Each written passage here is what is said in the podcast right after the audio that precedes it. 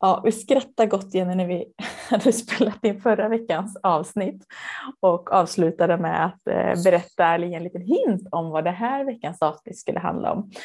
Och då skrattade jag till för jag tittade på mina anteckningar av vad vi hade planerat och vet ju att vi ska prata om mönster och strukturer i olika sammanhang. Men vad jag hade skrivit på min lapp var monster och strukturer. Så därav. Det är fortfarande roligt. Det fick bli rubriken på det här avsnittet. Eh, och det kanske är så eh, ibland att, att eh, även om mönster och strukturer i familjen, på arbetsplatser, på, i olika sammanhang också kan, kan bli till monster ibland, vad vet jag. Det är vad vi ska prata om eh, i det här avsnittet.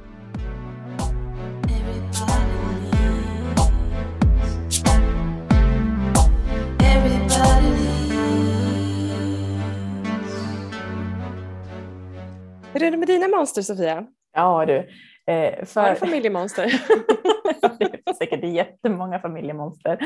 Eh, om inte annat så skrattar jag nu för jag tänker tillbaka på för drygt en, en månad sedan när jag eh, vabbade med, med barnen och min äldsta dotter sa nu ska jag måla dig, du blir ett monster mamma. så då kallade jag det vabbmonstret. Det var jätte, jätte, det var väldigt vacker, det var liksom fina färger i ansiktet. Du var fin, ja det måste jag säga. Att, då var jag monstret eh, hemma hos oss. Men ja, nej, men det är väl det är jättespännande med det här. Jag minns ju så tydligt tillbaka på min NLP fortsättningsutbildning, den som heter NLP Master Practitioner, som vi faktiskt har en kurs igång. Vi ska snart träffa deltagarna igen här för del två, där just familjemonster är en del. Det här kommer vara så roligt varenda gång. Precis, vi har tre dagar där vi jobbar med familjemonster. Mönster. Åh oh, herregud, det här blir så. Uh, men, och det ska det, vi göra snart. det ska vi göra snart, ja. Men vi komma till, vi ber om ursäkt för dig som lyssnar. vi, vi kajkar ur här i början på året, herregud. Uh, roligt ska det vara, pratade vi om också förra gången. Så att, uh, Exakt. Ja. Det är väldigt intressant. Jag minns så tydligt fortfarande saker som hände i den utbildningen där vi som grävde och tittade på olika mönster och vad jag har tagit med mig och det fanns verkligen saker i en del, liksom, när man tittar tillbaka i familjeträdet, som jag tyckte så här, men vad, vad ska det här vara bra för? Liksom? Men jag verkligen hittade en sån här, med hjälp av de metoderna som var så här, shit, det kanske är där jag har fått mitt driv.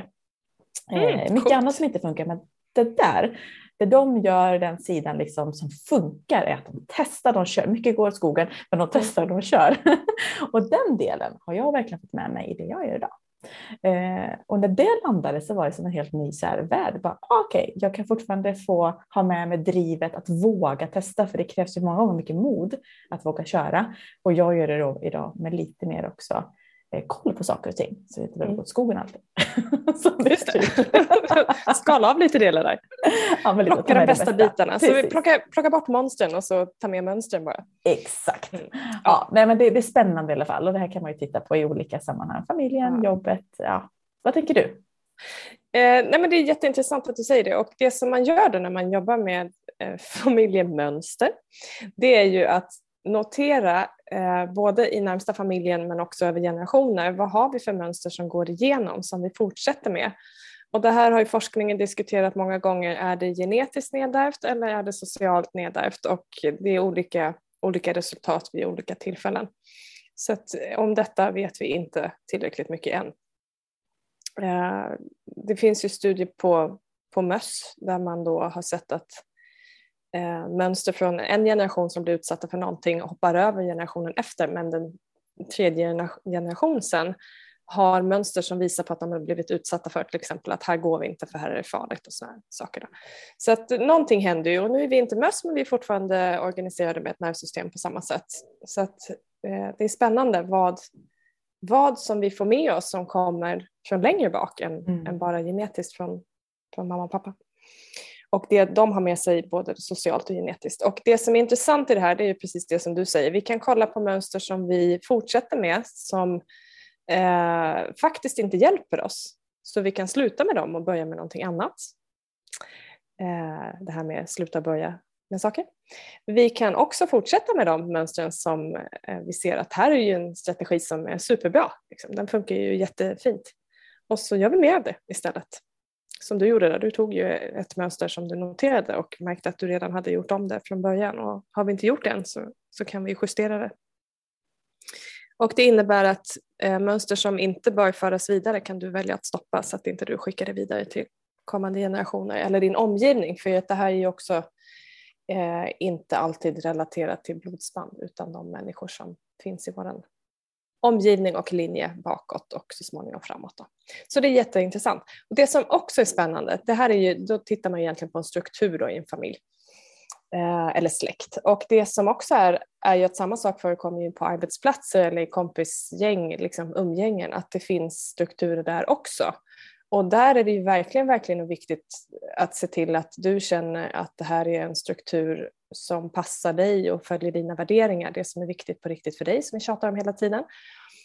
Och att eh, är det så att du inte är det, i, alltså att du är i en struktur där det på något sätt inte är bra så behöver man ju se över, okej, okay, varför finns den här strukturen? Är det så att den upprätthåll, upprätthålls till exempel på det sitter i väggarna eller så har man alltid gjort eller att eh, så är det här, att vi har bestämt oss för att det finns en yttre fiende till exempel som aldrig har existerat men den storyn om det här föder liksom problemet hela tiden.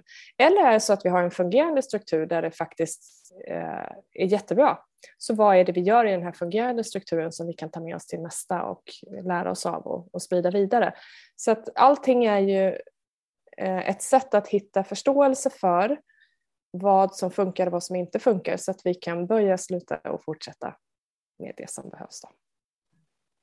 Och det är häftigt tycker jag, för det är väldigt, väldigt kraftfullt.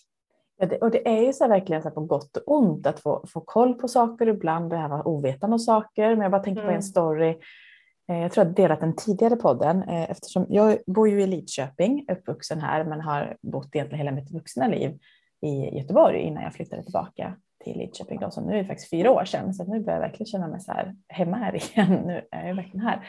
Eh, men det innebar ju också att jag inte hade haft någon liksom, arbetslivserfarenhet med mitt nätverk eller koll. Alltså jag har ju bott här som barn och det är liksom lite annat att flytta dit som vuxen. Och, men vilka borde man känna till? Vart vänder jag mig till olika? Du vet allt det här, liksom infrastrukturen så. Eh, och så startade vi ju ett, ett företag, Hälsohuset som jag driver här och då fanns det ändå vissa saker jag behövde liksom ha koll på. Och Då träffade jag en kvinna som jobbar på kommunen eh, och som jag hade eh, dialog med och så vid något tillfälle satt vi och snackade och så sa jag så här. Ja, och min kanske största liksom, eh, svaghet här, sa jag, att jag har verkligen ingen koll liksom, på vem jag borde prata med och vilka, alltså här, nätverket, mitt nätverk är verkligen begränsat här.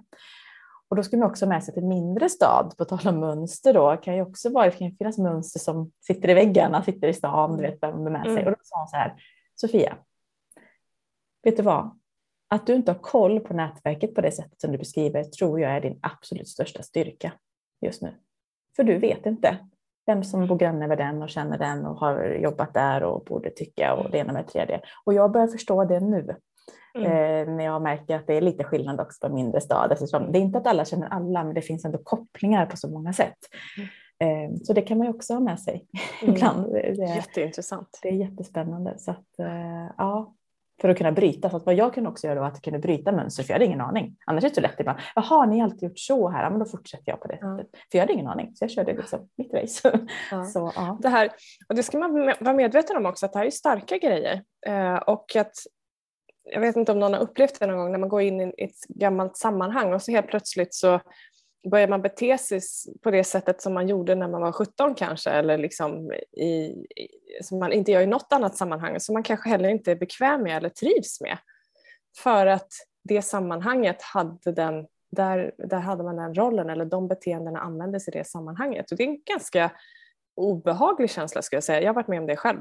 Mm. Eh, och tvärtom faktiskt när man är i sammanhang där det har varit på ett helt annat sätt där det bara är självklart att det är bekvämt med en gång för det är så man tar hand om varandra i det sammanhanget. Liksom. Mm. Att, att där är det fritt att vara vem du är eller liksom, tänka, säga, existera så som du vill.